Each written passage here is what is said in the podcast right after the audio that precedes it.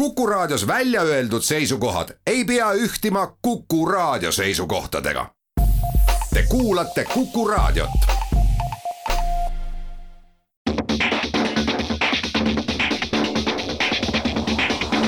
autotund. see on saade sulle, kui sul pole päris ükskõik, millise autoga sa sõidad. tere kuulajad, Autotund on jälle eetris stuudios Tarmo Tähepõld ja Martin Mets Geeniuse autoportaalist. pärast tuleb meile külla Kadri Ambos, kes on Alexela turunduse jaemüügijuht ja räägib, kuidas kütust tehakse ja kuidas seda hakatakse tulevikus tegema. aga millest täna saates räägime? Äh, räägime natuke kardisõidust. Äh, räägime edasi äh, ehituspoe liiklusmärkidest, et see sai väga head tagasisidet ka meie kuulajatelt. räägime radaripüüdjatest ja, ja räägime sellest, et terve nädala, ma saan aru, et te toimetuses olete olnud hullunud, sest toodi välja üks väga äge Peugeot ja te olite kõik niiviisi, et ma ei olnud varem näinud, et ükski Peugeot oleks teid niiviisi ajanud käima. Just, siis äh, BMW teeb oma elektriautost ka M-versiooni, mis võib ka ju kedagi käima ajada. Ja siis võib-olla võrdleme hästi põgusalt äh, kahte autot äh, ühe teadustöö raames. autotundi toetab Alexela, Alexela kodukaardiga kütus kuni miinus viis senti liitrilt. nii, aga nädalasündmus, no minu nädalasündmus õnneks see nädal tuli väga lihtsalt, sellepärast et mind kutsuti reede pärastlõunal Tabasalu kardirajale lihtsalt sõitma kardiga, aga sedakorda mitte nii, nagu inimesed on harjunud, et lähevad seda hobikarti sõpradega ja vaatama, kes on kõige kõvem, vaid mulle anti siis äh, proovimiseks selline päris võist-, võistluskart, äh, Rotax tüüpi, kolmkümmend hobujõudu, selline noh, mina mahtusin sisse ära ja ja ütleme, võrreldes hobikardiga ei ole seal eriti võrrelda midagi, välja arvatud välimus ja ja kogu see olemus, sest et see oli ikkagi äh, väga kiire, see oli väga kiire. ja kõige hullem selle juures oli see, et ma sain aru, et see ei ole sugugi mitte veel kõige kiirem. Ähm, tal ei olnud käike, äh, aga on olemas ka veel kardisari, kus on näiteks kuus käiku. ja mis, äh, kui ma nüüd numbritega ei eksi, siis selle Rotax kardiga läbiks profid Tabasalu kardiraja umbes neljakümne sekundiga ja selle selle eriti, eriti super kaardiga teeks nad seda kolmekümne kolme sekundiga. mina, ühesõnaga see väga, väga tore, Martin Harak, kes äh, mind kutsus, kes on Eesti kaardispordis praegult, äh, ma ei otsinud nüüd välja täpselt tema ametinime, aga noh, ütleme siis juht võistluste juht, siis äh, kiitis mind, võib-olla see oli lihtsalt selline noh, tead, nagu koolis igaüks on tubli. mina sõitsin neljakümne seitsmega alustasin viiekümne sekundi pealt see ringi ja ta ütles, et kui ma üks kaks päeva siin sellega nühiks, noh füüsiliselt see ei ole võimalik, sest see on väga-väga raske, et siis ma tõenäoliselt sõidaks selle mingi neljakümne kolme peale ära. ma suutsin seal äh, sellise kümne-viieteist ringiga saada nelikümmend seitse sekundit, aga see oli jube kihvt ja kui ma hakkaks üldse mingit autosporti tegema, siis ma arvan, ma võiksin seda teha tead, mis äh, meie liiklusest on kadunud ära võrreldes äh, üheksakümnendatega? meie liikluspildist. kardid. Mina mäletan üheksakümnendatel päris sageli, keegi oli kardiga niisama kuskil tänava peal ka. ei no siis oli see, nagu kas see oli mingi iseehitatud pagi tüüpi asi või kart? aga nad olid ilmselt siis jah, kõrgemate ratastega natuke, sest et see kart, millega ma sõitsin, see istus küll nii ja, ja need, mis on jah, kolm, kolm senti nagu äh, nendega ilmselt ei kannatanud, ma mäletan omal ajal ikka, kuidas ikka kardid olid, mingid sõitsid tänaval ka ringi sellised, võib-olla natuke jah kõrgemad nagu no vot, ma ei tea, mina olin maalt, meil küll ei olnud selliseid, aga minu häda oli muidugi see ka, et kardirada oli kodust kilomeetri kaugusel ja siis nad ilmselt sattusid igale poole küla vahele ka laiali. või siis äh, nad läksid just rajale sõitma sellega. vot, igatahes oli see minu jaoks väga silmjääval kogemus ja sõita sellise noh, sisuliselt istud ju nagu mingi plaadi peal, millel on neli ratast all ja siis noh, loomulikult mina ei läinud sinna kurvi sajaga, aga siis, kui sa vaatad, seal noored tegid trenni, see, no lihtsalt sa vaatad, ta tuleb ja sa juba noh, ma nõrganärviline inimene, issand jumal, see laps ju sõidab nüüd ennast surnuks, kui ta sealt kurvist tuli ja kuidas see pidamine, noh eks ta mingi hetk kadus ära ka, niisugune neljaratadrift ja väga, väga karm nii, aga sinu ehituspoe liiklusmärgid, mis sa sellega nüüd öelda tahtsid äh,? Seda, et eelmine nädal ma rääkisin ühest ehituspoe reklaamist, kus on suured äh, liiklusmärgi sarnased äh, kolmkümmend ja vist olid ka mingid teised, aga kolmkümmend, toome praegu selle näite, miinus kolmkümmend protsenti on ju mm -hmm. kauba pealt, ja meile üks lugeja kirjutas, et tegelikult neid asju fikseerivad liiklusmärgina ka autode kaamerad.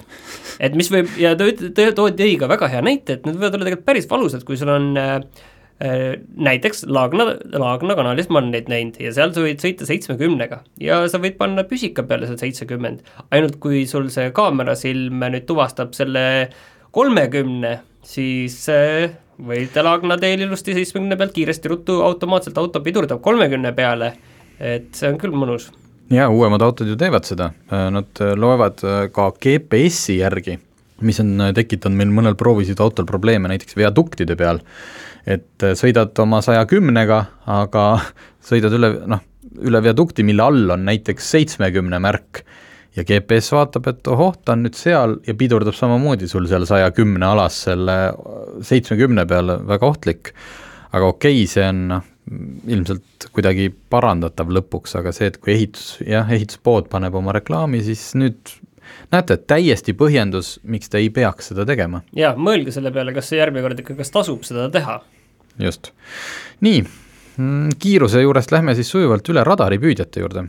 Äh, kuna mina olen selline tohutu podcast'i sõber ja kuulan ka välismaa omasid, siis äh, Ameerikas on mul jäänud korduvalt äh, kõrva, et neil on täiesti, noh radaripüüdja on legaalne, nad testivad neid seal saates. see on siis saates. see seade, millega sa saad aru, et kuskil keegi mõõdab sinu kiirust. just, ja need seal testivad, seal on erisagedustega ja ühesõnaga, kõik on väga, vähemalt Ameerika puhul tuleb alati ära öelda vist, et võib-olla mitte igas osariigis, aga nii üldiselt. näiteks Californias on see seaduslik. Ja siis jäi mulle ühest Eesti uudisest silma, kus politsei tegi järjekordse tohutu suure haarangu erinevate kiiruseületuste ja kõige ja ühest, ja oli mainitud, ühest autost leiti ka radaripüüdja küsisin siis järgi, et kui suur see probleem Eestis üldse on või noh, Eestis on see selgelt keelatud, see on seaduses öeldud, vastavalt liiklusseaduse paragrahv kaks kaks kaheksale on keelatud mootorsõiduki juhtimine, milles asub kiiruse mõõteseadet avastav või selle tööd häiriv seade. ja selle eest karistatakse kuni saja trahviühikuga, ehk siis nelisada eurot äh,. Mina tegelikult ei ole üldse kindel, et miks need Eestis on äh on keelatud, okei okay,, ma saan aru, kui on häiriv, et seda signaali häirimine, et see võiks olla keelatud, aga selle avastamine, ma ei ole nii kindel selles mõttes, et kas see asi... kunagi lihtsalt keela-, noh, selles mõttes jah, et nüüd on meil veidi asjad, et tead, see on üks teha... asi, mis on jäänud ilmselt seadusesse sisse nüüd ongi see, et kas sa ostaksid ma saan oma... aru, miks üheksakümnendatel tegelikult, ma saan aru, miks see ilmselt kuskil üheksakümnendate lõpus ilmselt see tuli seadusesse, sest probleem oli nii suur, nii paljud inimesed kasutasid, aga aeg on ikkagi kakskümmend aastat nagu edasi läinud, et ma ei ole kindel, et aga kas see..., kas sa, Tarmo, viitsiks endale radaripüüdja hankida ja hakata seda iga päev kasutama või? teades, et mõnikord võib-olla natuke läheb üle üheksakümne, et jah, nende hinnad on ikkagi sellised, et see päris nagu bensiinijaamas selline leti pealt haaratav, et kahekümne eurone vidin ei ole ei, ma ilmselt ei hakkaks ostma jah, aga, aga samas on see, vaata, see on ka selline seadus, mille kohta kellelgi ei ole ühtegi argumenti, miks seda nüüd ära muuta. et noh, kuidas sa lähed Riigikogus, keegi peab ju tegema ettepaneku, et kuule, muudaks selle ära, äh, aga miks sa seda ära tahad muuta? meil on vaba maa ja, ja see on selline nii. liberaalne värk. aga aa, okei okay, siis, jah. jah, aga sain juba aru, miks. selle aasta esimese kaheksa kuuga on muuseas politsei Eestis avastanud ja konfiskeerinud seitsekümmend üks radaripüüdjat. siin ei ole muidugi öeldud, et kui palju noh, võiks ju arvata, et äkki mõned neist on turistide autodest, mõned veel nende turistide, kes on tulnud näiteks idapoolsetest riikidest, kus on see ka levinud, aga seitsekümmend üks on tegelikult hämmastavalt palju, sest need on need, mis on avastatud ja konfiskeeritud. et kui palju meil autodes tegelikult siis neid seadmeid on, sest kui mind on noh, paar korda elus on kinni peetud, erinevatel põhjustel, siis äh, noh, keegi ei ole, keegi ei ole oma autot läbi ma otsima äh, hakanud. läbi otsitakse, et see on ikkagi ka, omakorda saadakse sellelt äh, radaripüüdjalt signaal, ma arvan, et see politseiautodes, kohe tsiteerin, on spetsiaalsed seadmed, niinimetatud antiradari avastamise detektorid, antiradari antiradar. ma just tahtsin öelda, et nüüd läheb vaja antiradari, antiradari radarit. Vot, ega me ei tea, me ei tea, kas see seade seal politseiautos on, aga nii on meile öeldud nii et ärge siis kasutage, saate nelisada eurot trahvi ja see võetakse teilt ära ka.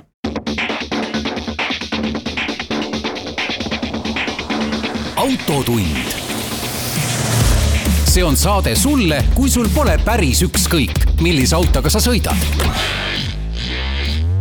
autotund tagasi, millest räägime, sind erutas see meie Peugeot väga. jaa, et sa võiksid mulle selgitada nüüd, miks üks Peugeot teid niivõrd pöördesse ajas?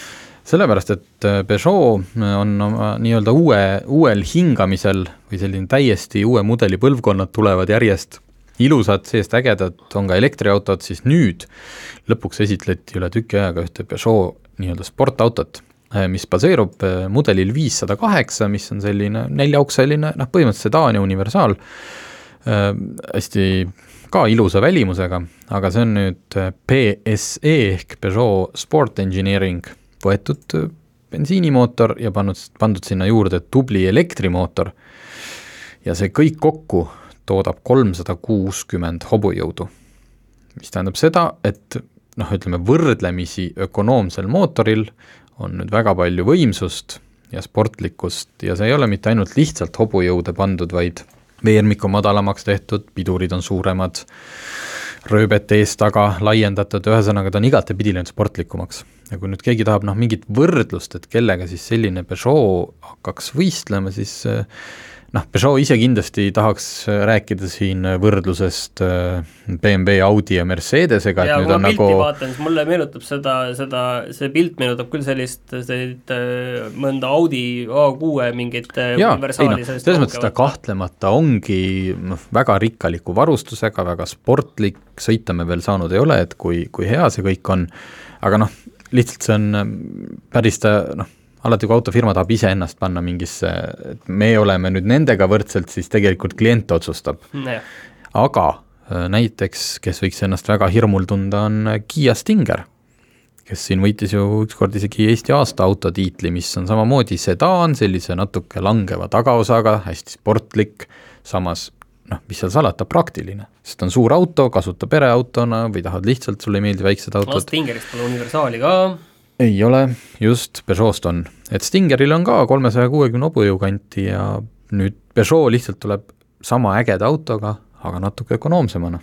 Äh, kas hinda veel ei ole teada? ei ole, aga, aga aasta alguses saab hakata tellimusi vastu võtma, et mis see nagu päriselt tähendab siis, millal see auto koju, sulle koju jõuab, seda veel no järgmise aasta jooksul, aga muuseas, sellel on ka elektriline läbisõidu ulatus, nelikümmend kaks kilomeetrit saad sõita puhta elektriga, kui sa just rallima ei hakka hind, täiesti spekuleerin siin praegult, äh, kui me võrdleme jälle Stingeriga, siis see kõige võimsam Stinger, äh, nad mõlemad on nelikveolised, äh, võimsam Stinger on nelikümmend üheksa tuhat eurot ja ma olen kindel, et Peugeot tuleb kallim, sest et praegult juba kõige tavalise, või tähendab, viissada kaheksa bensiinimootoriga kõige võimsam ja, ja täisvarustust maksis vist nelikümmend viis tuhat.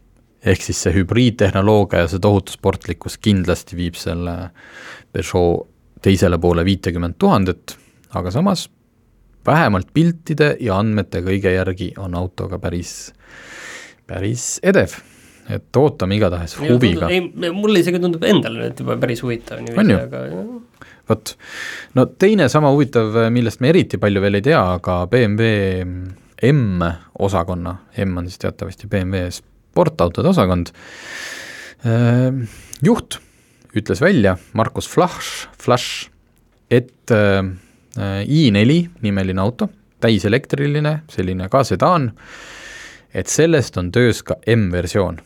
aga et kõik sellised M3 ja M4 fännid siin ei peaks praegult juukseid äh, välja katkuma, siis äh, siis päris M4 konkurenti siit ei ehitata, et selles mõttes ei ole mõtet karta, et BMW nüüd ka kuidagi hakkaks oma seda mojot kaotama ja muuseas, mulle meeldis siin äh, selle BMW tüübi ausus, et, äh, et asi ei olegi mitte niivõrd, et noh, et see oli mingi poliitiline otsus, et ärme trügi sinna M3 ja M4 mängumaale, vaid nad ütlevad ausalt välja, et lihtsalt äh, BMW-l hetkel ei ole sellist elektri- ja akutehnoloogiat, mis võimaldaks teha sellist super elektrisportautot, nagu on siin see Tesla Model S Plaid ja Lucid Air et äh, sel-, sellisel, äh, kuidas ma ütlen, pideval ülbitsemise ja, ja ülerääkimise ajastul on äh, tervistav kogus sellist ausust mm. -hmm. et äh, pigem hakkab ta sarnanema autodele või konkureerima siis BMW enda mudeli valikus, nagu on M kaks kolm viis ja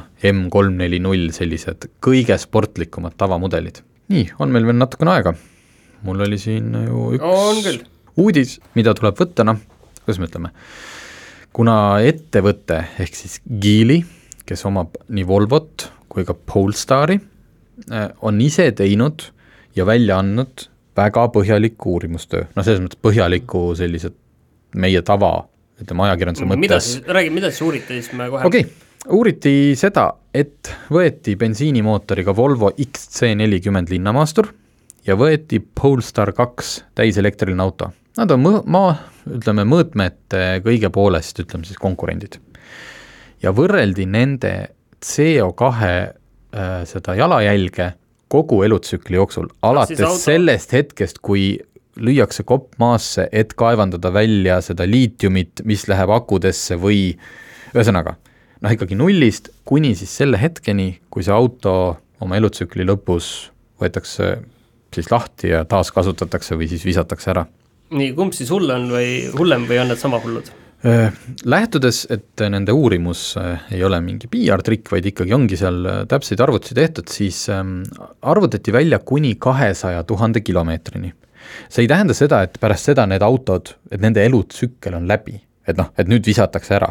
lihtsalt pärast seda on mõlema auto puhul nagu neid kulusid ja kõike juba nii raske hinnata, et noh, ühel tuleb ilmselt uued akud panna, teisel tahab kindlasti mootor varsti vahetust, aga kuni selle ajani on lõppkokkuvõttes ikkagi äh, Polestar äh, väiksema, ehk siis elektriauto on väiksema CO2 jalajäljega.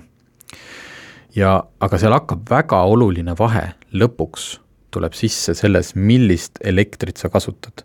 sest puhtalt auto tootmisega, kui panna need kaks autot kõrvuti, siis Polestari tootmine on kakskümmend kuus koma kaks tonni CO2 ja Volvo tootmine kuusteist koma üks, ehk siis vahe on väga suur.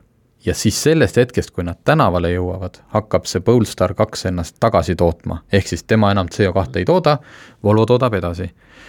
ja ongi, et igal juhul, kui äh, kasutada, nad võtsid arvutist välja kõigepealt selle globaalse keskmise elektritootmise CO2, ehk siis väga puhtad äh, tuuleenergiat, kuskil on väga räpane põlevkivi, ei hakka riiki nimetama et isegi siis on lõpuks äh, see äh, Polestar elutsükliga parem, aga kui kasutada ainult tuuleenergiat, väga puhastada, siis on äh, elektriauto lõpuks viiskümmend kolm koma neli protsenti toodab oma elutsükli jooksul vähem CO2 kui sisepõlemismootoriga auto. nii et lõpuks taandub ikkagi kõik sellele elektri puhtusele. vot, et ma ei teagi, loodame, et see siis nii on ja ja räägime kohe nendest teemadest edasi. räägime täpselt, just, et kui, kui puhas siis üks kütus või elekter olla saab või olema peaks.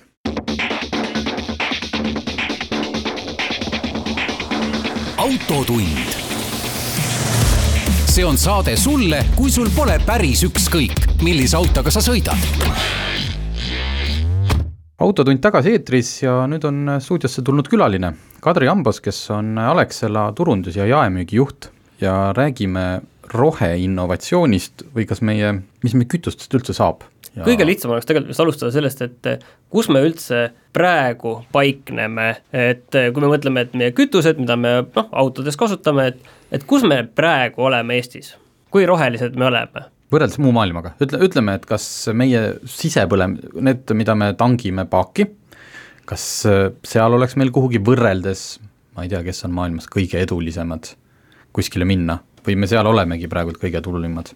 väga keeruline on niimoodi vastata, et äh, noh, see ongi see, et äh, millega võrreldes või nagu, et mis, kus sa lähtud. aga võrreldes sellega, kuhu me nagu jõuda tahame mingi, mingis äh, olemasolevate tehnoloogiate raames, noh näiteks mis see oli, kolmkümmend või mitu aastat tagasi me sõitsime kõik bensiiniga mille sees oli ju ohtrasti pliid. sinist suitsu tuli tagant välja. ja siis ühtäkki hakati müüma pliivaba kütust ja see oli, noh, see oli nagu inimeste tervise kõige mõttes ju tohutu hüpe mm. -hmm. kui sellest jah, süsinikuneutraalsusest rääkida, et siis äh, noh, mida Alexela on ka siin aastaid juba teinud, on äh, gaasiliste kütuste selline massidesse viimine, et äh, siin me tegelikult Eestis tervikuna oleme natukene Euroopast ikkagi maas, et, et gaasilised kütused on sellised teada-tuntud hea valik üleminekukütus, mis iganes see järgmine suur samm on, et praegult me tegelikult veel ei tea seda, et palju spekuleeri-, spekuleeritakse elektrist, vesinikust, noh, jumal teab millest, aga veidi me oleme ikkagi maas siin sellest vaatest, et kui üleminekukütustest rääkida, noh, samamoodi osades riikides on väga, näiteks Norras on väga subsideeritud äh, elektriautode ostmist, et äh, ja seal on ka oma taastuvatest allikatest elekter väga hästi käeulatuses kohe võtta, et äh, noh, selles mõttes ka loomulikult oleme jällegi mahajääjad, et kas meil kuskil hästi ka läheb, lihtsalt mul tekib juba, juba tuleb must masendus peale no eks ikka kõik teevad oma samme, et äh, meiegi Alexelas oleme pannud oma kaks tuhat kolmkümmend, kahe tuhande kolmekümnendaks aastaks kliimaneutraalsuse eesmärgi. et noh, kui meist rääkida, siis meie oleme võib-olla valinud oma, oma tee, kuidas äh, seda saavutada, et, äh, et usume ringmajandusse, mis on ka Euroopa tasandil rohepöörde üks üks selline alustalasid, siis noh, meie põhiline selline ringmajanduse lipulaev on biometaani tootmine, et samamoodi oleme rajanud CNG tanklaid, LNG tanklaid, rajame jätkuvalt edasi, et oma seda biometaani müüa ja siis sellega meie täidame ära oma biokohustuse. et selles mõttes te, te olete natuke teistsuguse lähenemise võtnud võrreldes teiste tanklakettidega, et teil siis selles tavalises bensiinis ja diislis ei ole seda äh, biokütuse osa sees. just, meil on jah biolisandivabad kütused. aga see ei tähenda mitte seda, vabandust et see ei tähenda mitte seda, et, et me ei tahaks olla loodussäästlikud, vaid vastupidi, et me lihtsalt usume sellesse, et see on nagu päriselt selline äh, nagu kõige õigem ja kõige vähem võib-olla rohepesulaadne lähenemine. üldse ma ei taha siin kedagi, kedagi solvata või, või mingisuguseid muid mooduseid äh, alavääristada, et, et äh, aga lihtsalt see on, see on see, millesse meie usume. aga kas äh, nendel vanadel kütustel, võib-olla sa oled lihtsalt natuke enne saate algust rääkisime, näinud mõnda uuringut, et kas seal on veel üldse mingit arenguhüpet teha, et seda CO2 ja kõike seda kahjulikkust maha saada, või tegelikult ainuke võimalus on see, et meie autod peaks hakkama vähem kulutama, ehk siis muutuma kergemaks ja väiksemaks. või on mingi, paneme veel mingit ainet juurde, nagu diiselkütuse, diislikütusesse pannakse AdBlue'd, et lämmastikühendeid vähendada? ma arvan, et, ma arvan, et mingisugust suurt murrangut enam eriti ei ei ole võimalik siin, noh, väga olulist efekti ei ole võimalik saavutada, et võib-olla ongi see ähm, hübriidautode puhul on see niisugune koosmõju efekt, on ju, aga aga jah, et siin on, kuna siin on tulnud pildile kõik tuleviku vaates just äh, erinevad, äh, erinevad alternatiivid, et elekter ja vesinik, et äh, et et ma arvan, et autotootjatel on ka see fookus on, on hajunud, et et äh, kindlasti diisel ja bensiin ei kao siin äh, lähimate aastakümnete vältel kuhugile ja kindlasti seda arendatakse edasi, sest nendel on ka igasugused äh, eesmärgid peale surutud, et ähm, mida nad peavad täitma oma, oma süsinikuneutraalsuse ja ja, ja, ja kliimaneutraalsuse ja kõik, kõik sinna, noh nüüd on tegelikult pilti tulnud kõik muud ka, et seal ei ole ainult äh, süsinik, vaid on ka igasugused peenosakesed ja kõik muud äh, saastajad. ja noh, samamoodi tegelikult äh, on ju gaasilised kütused, mis on selles suhtes head, et seal need peenosakesed on väga väikese osakaaluga. et neid alternatiive on, on tegelikult palju praegult ja, ja noh, ma arvan, et ei ole võimalik autotööstusel ka ka bensiini- ja diiselmootoreid üldse mitte edasi arendada, et, ähm, et äh, aga, aga noh, mingit suurt murrangut vaevalt ma ei, ei näe küll seda, et on tulemas. nojah, ilmselt ei, ei suunata enam sinna nii palju seda R&D R rahasid. sa enne kasutasid sõna äh, ringmajandus, et mida see tegelikult sellises äh, kütusemüügi ja kütuste tarbimise, mulle tundub, et ringmajandus, et me mm -hmm. ju äh, kulutame selle kütuse ära ja ongi kõik otsas, et, et mis see tähendab sellises, sellises võtmes üldse, see sõna mm? -hmm. no Alexela mõistes on siis ringmajanduse selline lipule biometaani tootmine, see on siis ma võin siin rääkida, kuidas meie biometaani toodame et see on siis äh,, toodetakse jäätmetest äh,, peaasjalikult siis äh, põllumajandusjäätmetest äh, biometaani, mis on teisisõnu CNG ja saame seda äh, sa, seal on siis tootmisprotsess on selles suhtes täiesti geniaalne, et sisse lähevad jäätmed, välja tuleb äh, väetis ja kütus et äh, üsna selline nagu jäätmevaba jäätmevaba protsess. jäätmevaba, aga kas selle tootmise juures kulub palju energiat, et miks, noh ilmselt seal mingi väike konks on, et meil ei ole juba kõik kohad täis selliseid jaamu?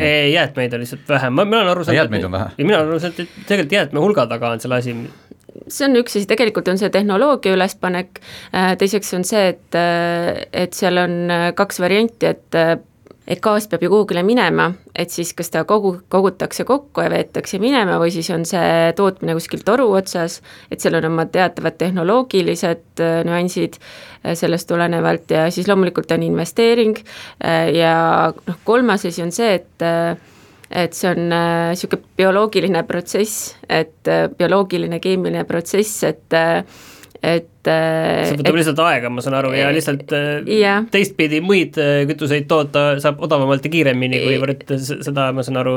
jah, jah, seal on see, see, et sada protsenti tegelikult sa ei saa kunagi olla kindel, kui palju seda toodangut saad, et seal on äh, see on nagu veini kääritamine. mina tahtsin õlle näidet, sa ei tea, kas sul hästi välja tuleb. see täpselt ongi nii, et seal on igas biometaani jaamas on oma operaator, kes siis äh, teab retsepti ja igas biometaanijaamas see on nagu oma selline ökosüsteem, et et iga operaator teab oma seda retsepti ja tal on selline tunnetus, just täpselt, et et kui palju, kui palju midagi lisada sinna potti, et just selline kõige parem Peaks tulemus ma tahaks, ma tahaks seda kohta näha. mina mõtlesin ka, et see on nagu selline, et noh, paned ühte ja teist ja hakkab käima, aga et siin ma saan aru, pruulmeister on olemas. on, ja seal on oma bakter, mis teeb tööd ja siis mõnikord bakter töötab paremini, mõnikord halvemini. see jälle tuletab leiva tegemist meelde, et see kellegi hea juuretis käib niimoodi käest kätte.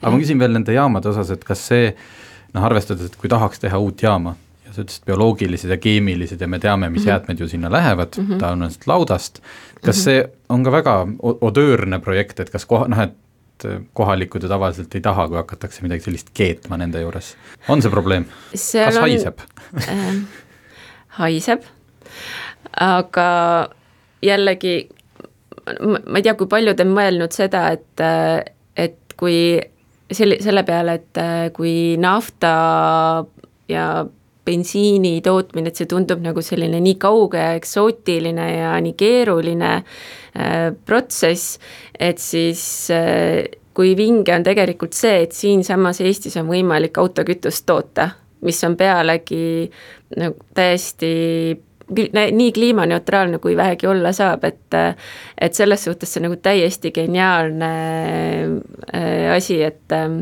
jah, jääb ära ju ka transport suurel määral kuskilt äh, Araabiast siia. teeme siis ühe väikse Just. pausi, siis räägime kohe sellest mm -hmm. edasi.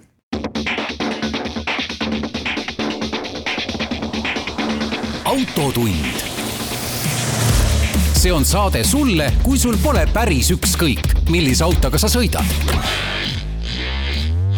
Autotund on tagasi, stuudios on meil külas Kadri Ambos Alexelast, kes aitab meil natukene aru saada sellest, kui roheliseks üldse on võimalik tänapäeval enam kütuseid ajada. käisime läbi sisepõlemismootori ehk siis bensiini, diisli. Jõudsime gaasini, kuidas seda kodumaist biometaani toodetakse, see osutus ootamatult huvitavaks. Aga edasi noh, liigume vist elektri peale, et äh, saan aru, elektriga üks asi on selle tootmine, aga teine on ka selle säilitamine ja enne saate algust äh, kuidagi me jõudsime selle hüdro, niisuguse asja nagu hüdropumpla, ma nüüd tulin ma esimest korda kuulsin hästi,. hästi-hästi äkiliselt, aga kuna Kadri meil seda mainis, siis äh, mis asi see on ja kuhu seda ehitatakse? selle pikk nimetus on pumphüdroakumulatsioonijaam ja seda rajatakse Paldiskisse, et praegult käivad seal sellised eeltööd, geoloogilised uuringud, et aru saada, milline on see pinnase koostis ja see pinnase olukord ja plaan on, et seal hüdropumpla läheks käiku siis kahe tuhande kahekümne üheksandal aastal. et siin on tegelikult äh, olnud juba pikaajalised eeltööd, et äh, siin see projektitiim on vist viisteist aastat siin Eestis üritanud äh, sellele äh, projektile alust äh, laduda ja nüüd see Paldiskis äh, juhtubki, et äh, noh, miks ta on oluline objekt, on see, et äh, ta võimaldab äh, tulevikus lahendada taastuva energia salvestamise väljakutse et see on siis praegu see, et kui meil on siin tuulepargid, siis äh, hea ilm on mm -hmm. ja me saame ainult seda sisuliselt kõike võrku lasta, nii palju Just. kui tarbijad mm -hmm. tahavad, aga see ülejääk, sellega põhimõtteliselt võime natuke kuskile akusse lasta, aga mm -hmm. need mhm. akud on väga piiratud mahutavusega ja seal seisame selle suure probleemi ees, mis sellega teha. et see siis peaks seda lahendama, ma saan aru, see hüdropump. just, et äh, ta on sisuliselt äh, looduslik aku noh, kui nagu mastaabist rääkida, et siis ähm, ehitus moodustab kaheksa aasta jooksul umbes seitse protsenti Eesti infraehituse kogumahust ja ta loob umbes seitsesada otse, seitsesada otsest ja kaudset töökohta. et ähm, ja noh, maksutulu kuskil Eesti riigile on hinnanguliselt kakssada miljonit eurot et on hästi selline mastaapne projekt. see kõlab jah, päri-, peaaegu nagu CERN-i projekt juba, mitte küll yeah. nii suur, aga kas sellist hüdropumplaid, kas see on nüüd äh, Eestis uus asi või see on ka maailma mõistes päris innovaatiline lahendus või, või kuskil juba mõni on käima suudetud panna? Neid tegelikult on Euroopas suuremaid veel mm, -hmm. et äh, see on pigem selline mm, keskmine või keskmine või väike aga neid on mujal Euroopas ka, jah. ma saan aru, et see siis oma olemuselt on selline väga pikk äh, maasse äh, kaevatud äh, tunnel? Sellised reservuaarid on seal jah, sellised suured reservuaarid. tähendab seda, et siis on, et me saame mitte, me nüüd küll noh, meil on autosaade, me räägime, et me saame sinna mm -hmm. elektriautode jaoks elektrit salvestada, tegelikult see on ikka suuremas pildis selline energiaturvalisuse küsimus. jaa, lihtsalt äh, hinnanguliselt äh, võib öelda, et äh, selle käitamisega väheneb Eesti süsiniku emissioon kaheksa koma viie miljoni tonni võrra. et, ähm, et see on selline noh, sisuliselt katab ära Eesti vajaduse, et et mitte ainult ei ole piir, see, piirkondlikult see käima panna, siis olemegi praktiliselt juba riigina kliimaneutraalsed et siis no, saame, saame põlevkiviga jätkata või? jah, jah, see, see aga räägime natuke edasi võib-olla sellest energiajulgeolekust, et see juba tundus kõik äh, väga huvitav, et täpselt mm -hmm. see, sedasama see, see hüdropump ühtepidi pakub ka ju.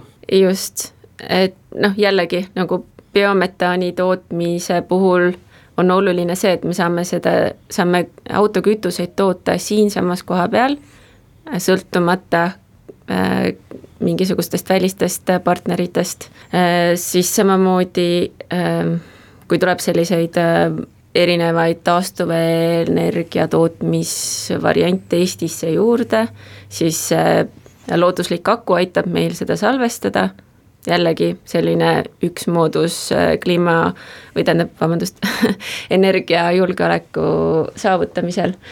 et ähm, noh, siis on samamoodi üks projekt on meil siin äh, põhjanaabrite juures, äh, LNG terminal, et, äh, et jällegi, kui võtta siis CNG ja LNG kui, kui väga väikse või noh, biometaani puhul isegi nulljalajäljega kütused, et, et siis kõik, mis puudutab selliste kütuste tootmist, transporti ja, ja, ja ladustamist et jah, kahjuks kõik need projektid ei mahu Eestisse ära, et meil oli tegelikult Paldiski oli sihikul LNG terminali vaates, aga aga tuli hoopis Soome et mis on ka hea sõbralik riik meile. nii, aga ühesõnaga kõik, kõik see roheinnovatsioon ja kütused, see on selline hästi suur asi, et noh, et üks ettevõte on üksi tõenäoliselt ju ei, ei suuda kogu seda asja ei Eestis ega Euroopas äh, nagu paika panna.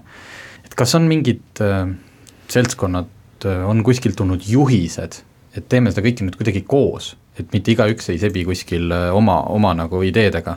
noh, Euroopas on see suur mm, rohepööre ja selle ideid toob Eestisse Rohetiigri algatus, et need äh, fookusteemad on siis ähm, või noh, üks selliseid olulisemaid fookusteemasid on seal ringmajandusse panustamine ja siis samamoodi see, et kuidas saaks võimalikult valutult, kiiresti ja samas mõistlikult minna üle süsinikuneutraalsemale elule või vähem, vähem saastavale elule, väiksema jäljega elule. meie oleme ka oma fookusteemad äh, sõnastanud, et ringmajandusel on seal oluline roll, panustame biometaani tootmisse, nagu siin juba varem rääkisime, siis äh, noh, samamoodi kogu see jätkusuutlikkus, et äh, see ei puuduta ainult äh, kliimaeesmärke, on, on kogukondade tegevus, äh, kultuuri ja spordi toetamine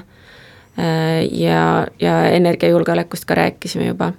et jah, meie oleme ka seal Rohetiigri algatusega, käime, käime siis ühte sammu.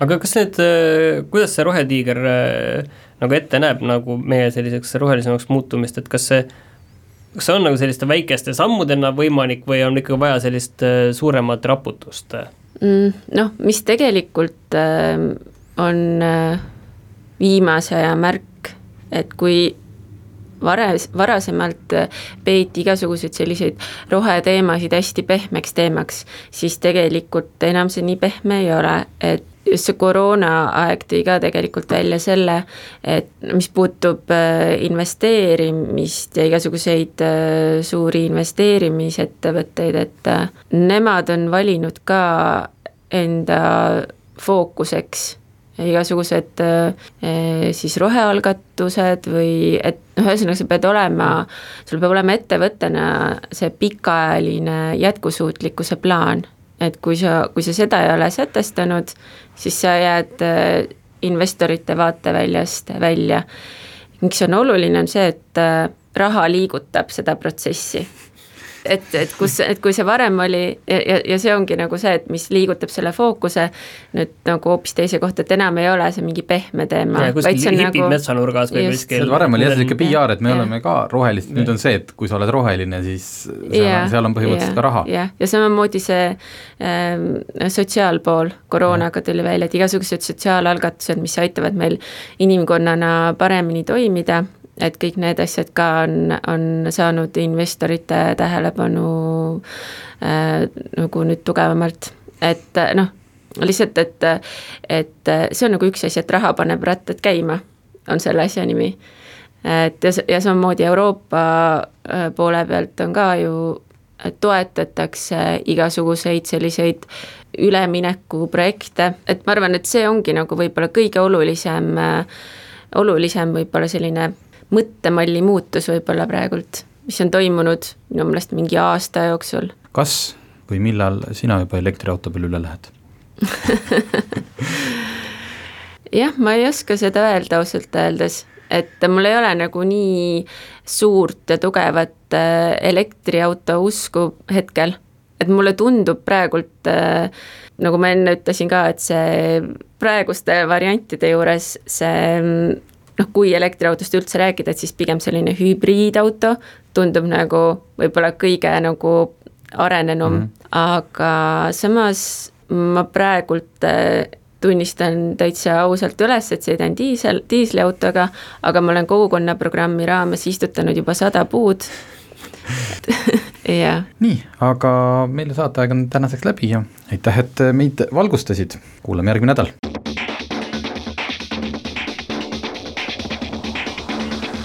autotund. see on saade sulle, kui sul pole päris ükskõik, millise autoga sa sõidad autotundi toetab Alexela. Alexela kodukaardiga kütus kuni miinus viis senti liitrilt